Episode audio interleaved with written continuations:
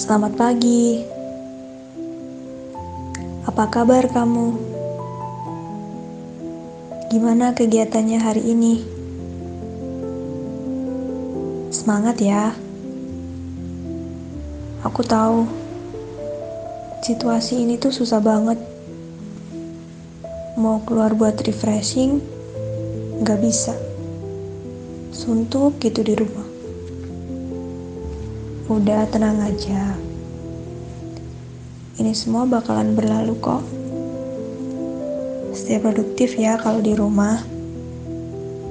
Semangat. Aku mencintaimu.